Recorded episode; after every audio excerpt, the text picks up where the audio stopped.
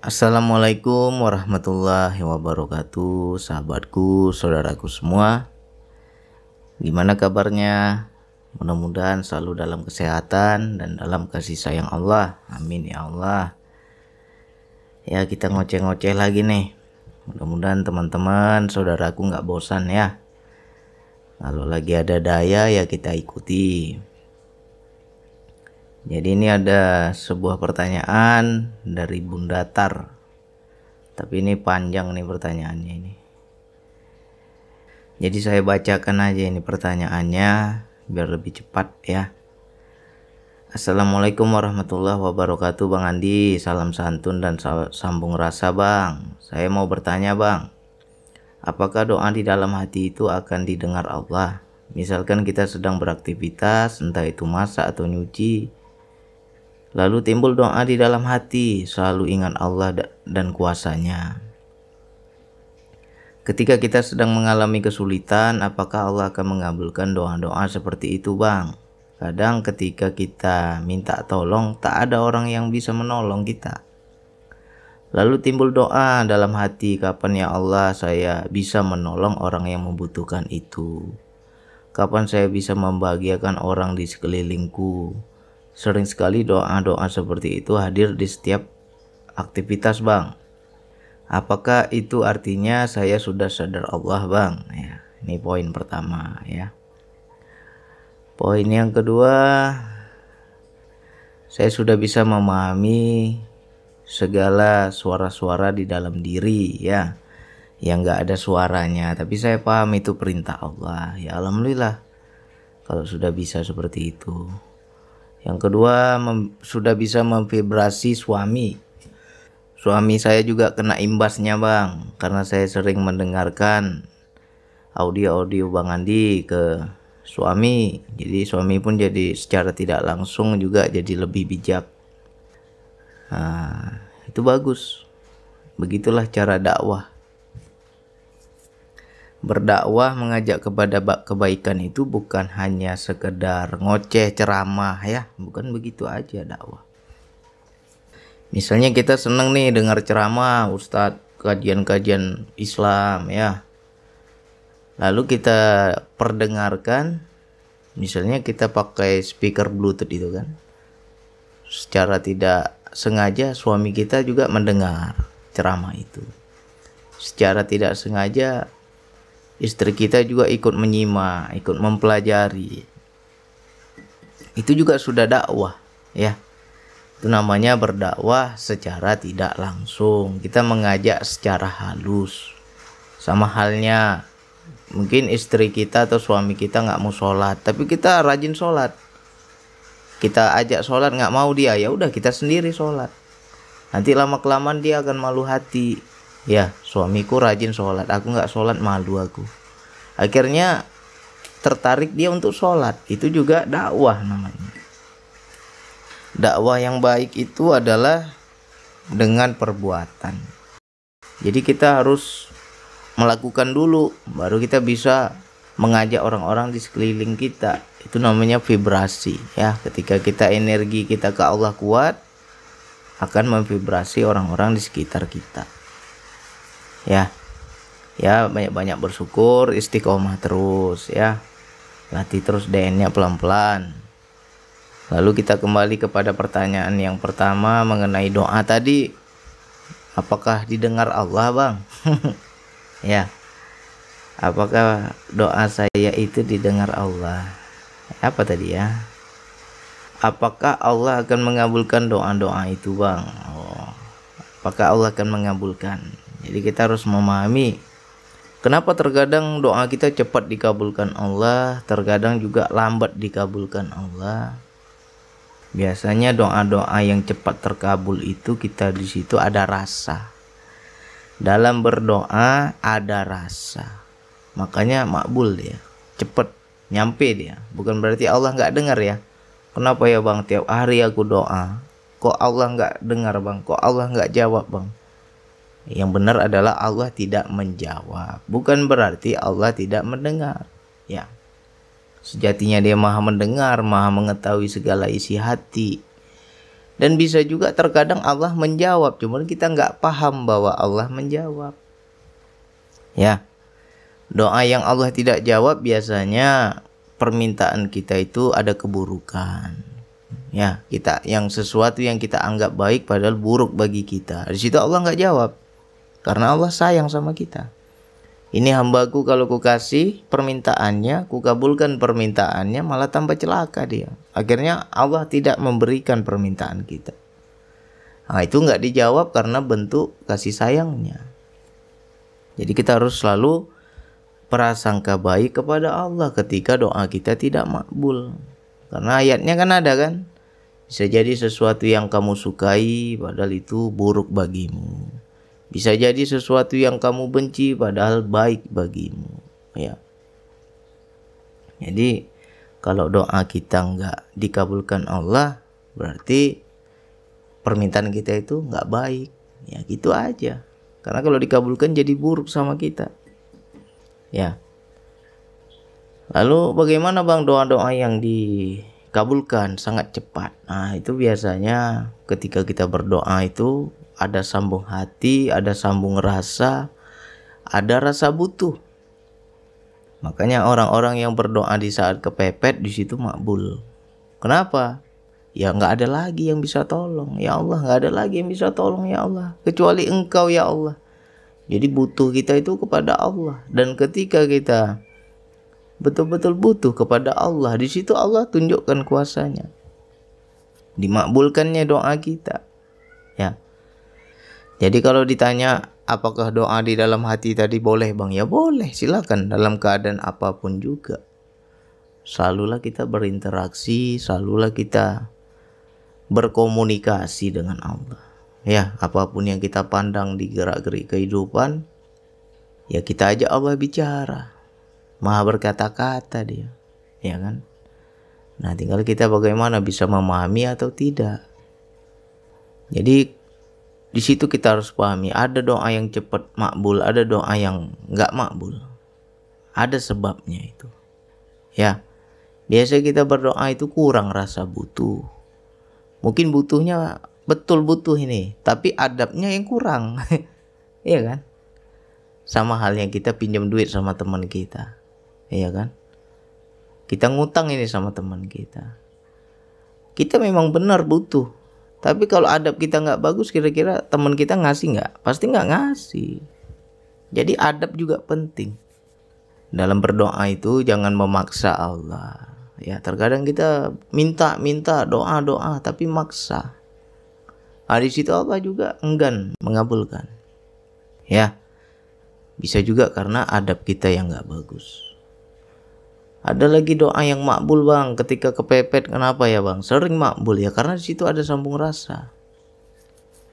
Ya, sama juga seperti orang terzolimi kan kan ada di kita sering dengar hati-hati dengan doa ya orang yang terzolimi itu tembus. Kenapa tembus? Ada rasa ya.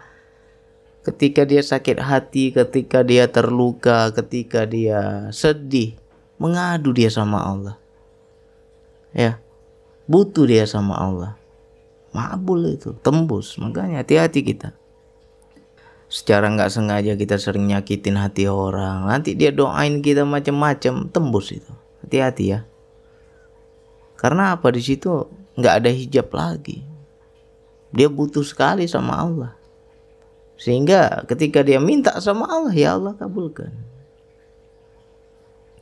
Nah yang seperti tadi itu doa yang bang saya ingin nolong orang. Saya minta kepada Allah diberikan kemampuan agar bisa membantu orang-orang di sekeliling saya. Tapi kok nggak makbul ya bang? Nah ini hati-hati. Banyak permintaan seperti itu itu jarang makbul. Kenapa jarang makbul? Karena di situ ada nafsu kita. Ya. Ada nafsu kita. Coba perhatikan misalnya saudara kita, adik kita, orang tua kita, atau orang-orang dekat di sekitar kita butuh bantuan dan kita ingin sekali menolong tapi nggak mampu.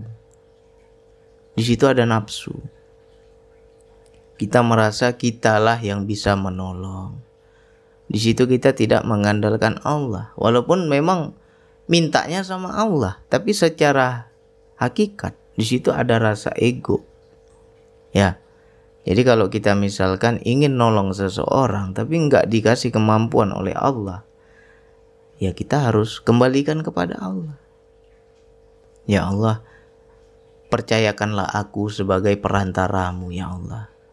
Percayakanlah aku sebagai khalifahmu ya Allah, agar aku bisa bantu si Fulan. Berikanlah aku sedikit kuasamu ya Allah, agar aku bisa melapangkan kesusahannya. Tak lain dan tak bukan karena engkau ya Allah. Engkau lah yang memberi kekuatan itu, aku nggak mampu. Kalau kita bisa mengakui seperti itu, Allah mabulkan. Ya kan? Jangan sampai kita di situ diri kita yang istilahnya sok pahlawan ya. Aku ingin tolong si Pulan, aku ingin bantu si Pulan. Adikku sendiri susah bang, mau ditolong bang, tapi nggak bisa. Nggak ada kekuatan kita, nggak ada kemampuan kita.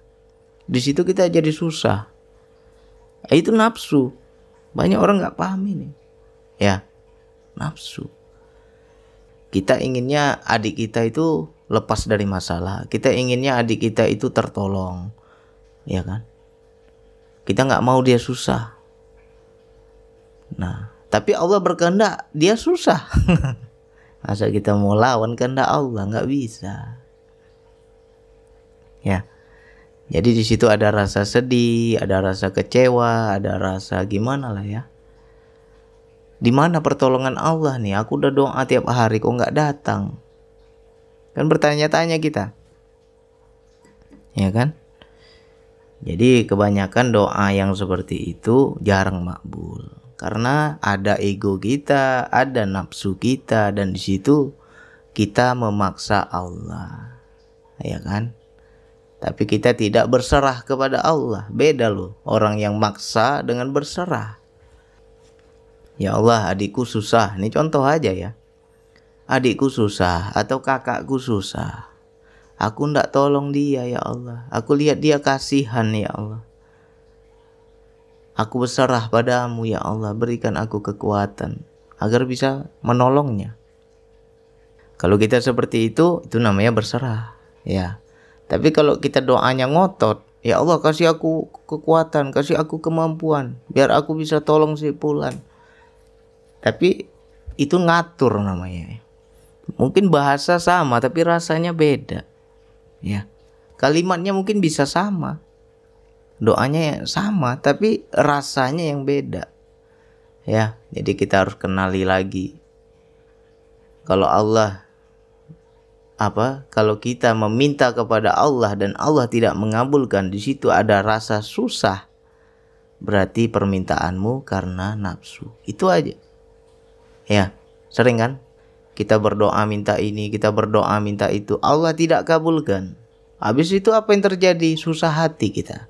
Berarti permintaanmu masih ada ego, masih ada nafsu. Ya, nggak tulus itu. Bukan berserah itu namanya, itu namanya mengatur Allah. Sama halnya seperti kita itu mendoakan untuk orang lain ya. Mungkin banyak ya ketika kita datang ke seorang ulama, ke seorang kiai, ke seorang ya orang soleh lah kita bilang. Tolonglah kiai doakan saya, didoain kita. Rupanya makbul doa kiai itu. Kenapa bisa cepet gitu? Karena dia berserah, tidak ada kepentingan diri. Ya, tidak ada kepentingan dirinya, tidak ada nafsu dirinya. Jadi ya, dimintai doa ya berarti perintahnya apa ya mendoakan dia paham perintah akhirnya dia mendoakan tulus karena Allah makbul ya tapi cobalah kiai atau orang soleh itu berdoa untuk dirinya sendiri. Ya itu jarang makbul itu. Untuk orang makbul. Tapi kalau untuk diri sendiri jarang makbul. Ya. Kenapa gitu? Apa ketika dia mendoakan muridnya mendoakan orang-orang yang datang padanya sebentar aja makbul itu. Karena tidak ada kepentingan diri. Nah, ketika dia meminta untuk dirinya, di situ rupanya bercampur nafsu. Ya, walaupun kelasnya kiai lah. Ini bagi yang paham akan mengerti wilayah ini. Ketika dia meminta ya Allah aku doa untuk orang lain kok enak ya Allah. Cepat kali sampai. Dan cepat kali engkau jawab. Tapi ketika aku berdoa untuk diriku kok engkau nggak kasih ya Allah? Nah di situ Allah ngomong tuh aku minta pakai nafsu kau atur atur pula aku katanya ya Nah, jadi itu aja kita memahaminya. Kalau berdoa kepada Allah, hatimu ketika dikabulkan atau enggak dikabulkan, hatimu biasa aja. Dikabulkan kita akan bersyukur. Kita akan semakin yakin pada kuasa Allah. Ketika tidak dikabulkan, kita tidak susah. Itu tandanya permintaan kita ya zero. Tapi ketika kita sudah minta susah, kok nggak datang ini pertolongan Allah? Aku udah berdoa aku udah sungguh-sungguh minta kok nggak datang juga? Kok nggak dijawab juga? Ya bisa jadi Allah maha tahu ya. Yang pertama sesuai ayat tadi permintaan kita itu nggak baik. Allah maha tahu ke depannya. Kalau ku kabulkan celaka dirimu makanya aku nggak kabulkan kata Allah aku sayang padamu nggak ku kabulkan atau bisa jadi permintaan kita karena nafsu. Di situlah timbul susah hati. Di situ timbullah rasa kecewa. Di situ timbullah Allah ini di mana? Ya kan? Kok doaku nggak didengar? Kok Allah tidak menjawab doaku? Allah di mana sekarang? Padahal sekarang aku lagi terjepit, aku lagi susah, aku lagi butuh. Tapi kok nggak datang pertolongan Allah? itu tandanya engkau meminta dengan nafsu. Itu tandanya engkau berdoa bukan berserah tapi mengatur Allah. Ya, walaupun kita doanya untuk orang ya, seperti tadi itu. Bang, saya mau tolong adik saya, mau tolong orang-orang sekitar saya, tapi Allah nggak kabulkan, bang. Nah, kalau hatimu susah, berarti kau meminta dengan nafsu. Begitu aja, ya. Maka kita belajar sering-sering mendoakan orang. Ya. Doakan orang itu jangan sampai ada kepentingan diri. Ya. Kebanyakan kita mungkin mendoakan anak kita, mendoakan orang tua kita, mendoakan adik-adik kita, orang-orang terdekat di sekitar kita. Di situ kan masih ada kepentingan diri. Kan beda kan kita mendoakan orang dekat dengan orang jauh itu kan beda. Ya. Ya, jadi mudah-mudahan ini bisa dipahami untuk saudaraku, sahabatku yang lain. Ya, kita harus membaca lagi nih. Aku meminta karena apa? Ya. Saya saya saya udah rasa lah, ya kan? Banyak itu sahabat saya. Ketika jumpa saya jemputnya pakai mobil rental ya. Setiap saya datang ke Medan jemput pakai mobil rental. Akhirnya saya doakan. Sekali lagi kalau saya datang pakai mobil sendiri ya. Jangan rental-rental lagi. Rupanya bener nggak sampai tiga bulan beli mobil ya ya tapi kalau saya minta sama Allah ya Allah berikan aku mobil. Nggak dapat dapat sampai sekarang. Ya kan? Nggak dapat dapat sampai sekarang. Tapi untuk orang lain manjur. Ya.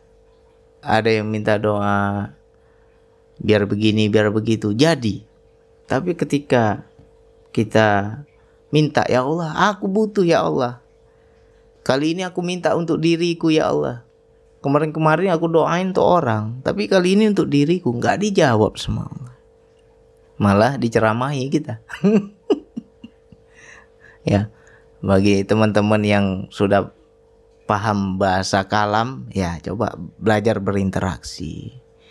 Kalau kita bertanya kepada Allah, mengajak ngobrol Allah, ya. Apalagi dalam doa itu. Doa itu kan ngobrol. Ya Allah, aku begini, aku begitu, aku minta ini, aku minta itu. Ah, coba dengarkan apa yang Allah jawab. Ada jawaban itu, kontan itu, cepat dia jawab. Cuman tergantung kita bisa dengar atau tidak. Kita bisa paham atau tidak. Ya. Makanya di sinilah penting menjaga kesadaran itu biar kita bisa komunikasi. Ya. Ya Allah, aku minta nggak dapat dapat ya Allah. Padahal nggak besar aku minta ini, nggak sulit ya Allah. Mudah bagimu ya Allah. Ya, nggak aneh-aneh yang aku minta. Nggak dikasih sama Allah. Kau bukan minta, kau ngatur katanya. Oh, terdiam kita. Ya. Siapa kamu mengatur aku katanya. Ada. Ngerti kita udah. Oh salah cara. Cara aku meminta salah. Perbaiki caranya. Perbaiki adabnya. Ya kan? Makanya paling bagus itu ketika kita itu anu lah paham adab kepada Allah itu harus ada adab. Itu kita belajar dari kisahnya Nabi Ayub ya. Ya Allah, sesungguhnya aku ditimpa penyakit. Engkaulah Tuhan yang Maha Penyayang di antara semua yang penyayang, katanya ya kan. Itu secara hakikat dia itu minta. Cuman bahasanya halus. Ya. Sama ada teman kita yang kemarin komentar. Bener bang, saya waktu kecil sudah rasa itu bang. Wilayah seperti doa Nabi Ayub. Ya kan? Dari kecil dia sudah paham itu. Dan itu sering terjadi. Apa dia bilang? Ketika dulu saya sewaktu kecil, saya bilang, Mak minta makan. Mak maksudnya meminta makan kepada ibunya agar ibunya mengambilkan makanan. Rupanya ibunya lagi masak nih, lagi sibuk. Nanti sebentar lagi katanya. Marah ibunya karena lagi sibuk.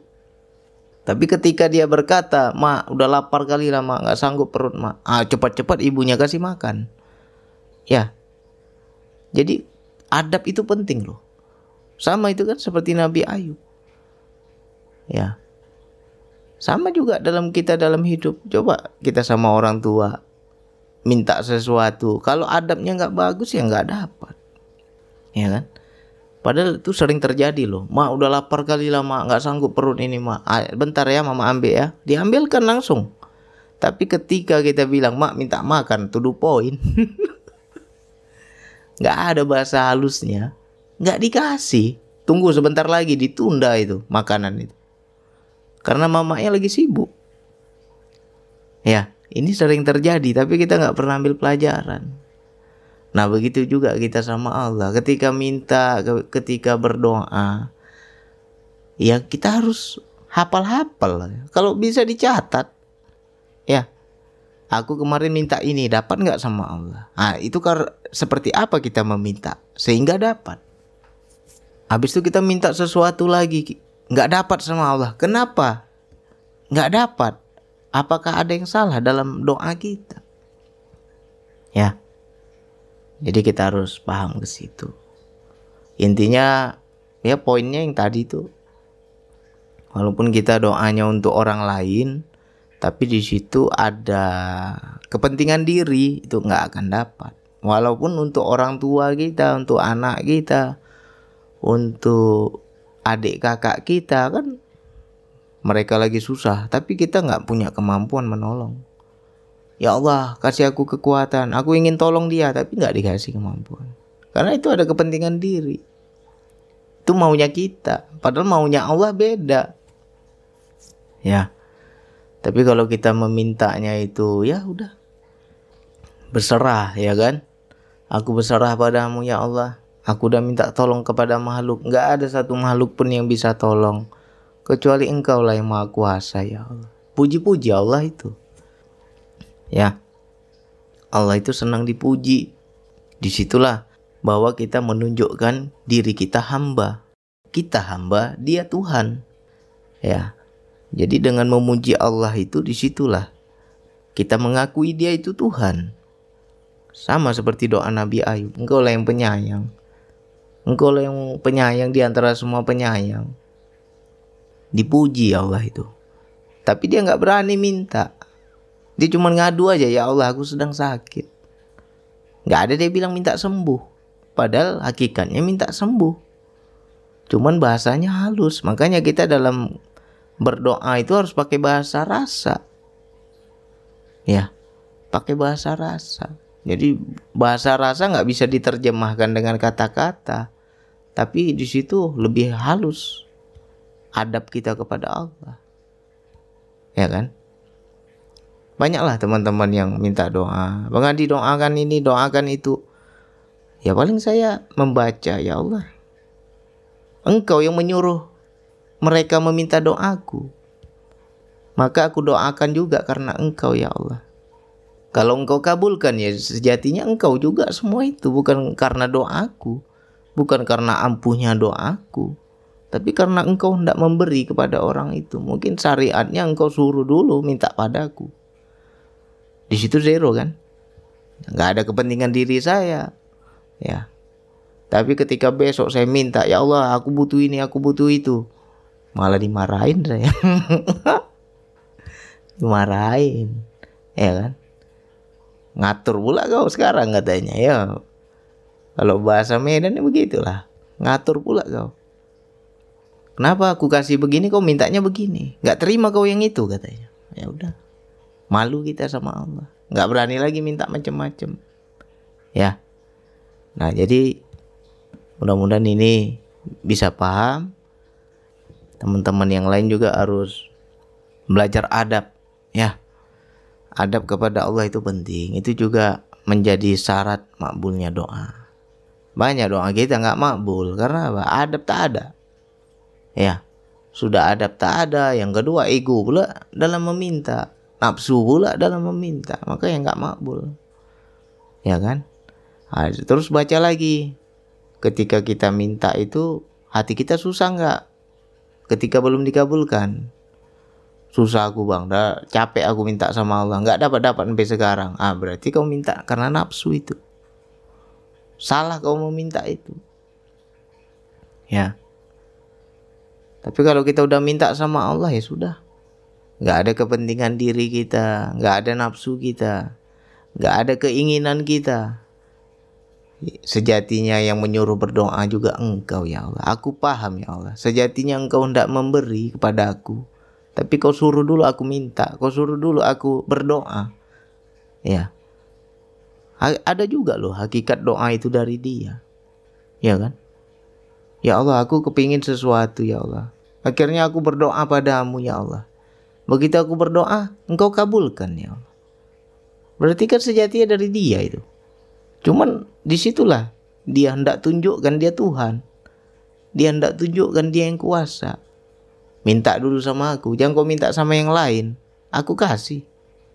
Ya kan? Akhirnya kita berdoa pada Allah. Begitu berdoa besok makbul. Di sebalik doa juga ada dia. Ya. Tapi hati-hati, jangan sampai kita merasa hebat kali doa kita ini. Ya. Ini bagi orang yang suka dimintai doa ya. Mudah-mudahan paham ini sudah seh kita, sudah kiai kita, sudah ulama kita, sudah guru kita, datang murid kita minta doa, sering makbul. Besok-besok jadi pula kita itu berhala diri, ya. Oh itu si Pulan tuh doa karena doaku itu. Weh hati-hatilah. Di sebalik doamu juga ada Allah. Ya. Jadi jangan senang kita kalau ada orang minta doa, jangan senang. Harus waspada Aku takut ya Allah. Orang minta doaku makbul. Besok datang lagi minta doaku makbul. Aku takut yang dia pandang aku bukan engkau lagi ya Allah. Itu orang yang paham ya. Aku takut. Besok-besok orang akan mengandalkan diriku. Sikit-sikit minta doa diriku. Sikit-sikit datang kepada aku minta doaku. Gak ada lagi orang ke Allah. Ya. Bergantung pula orang sama makhluk jadinya. Nah, ini bagi orang yang paham dia akan takut ya.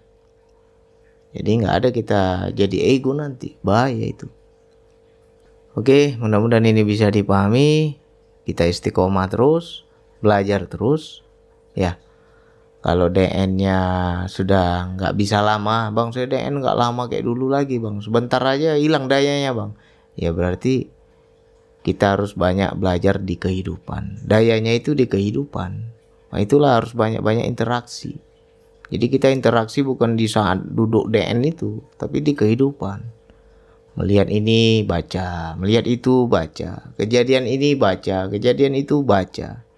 Ada tuh kalam-kalamnya itu. Ya. Oke, mudah-mudahan ini manfaat untuk kita semua. Hanya itu yang bisa saya sampaikan. Wassalamualaikum warahmatullahi wabarakatuh.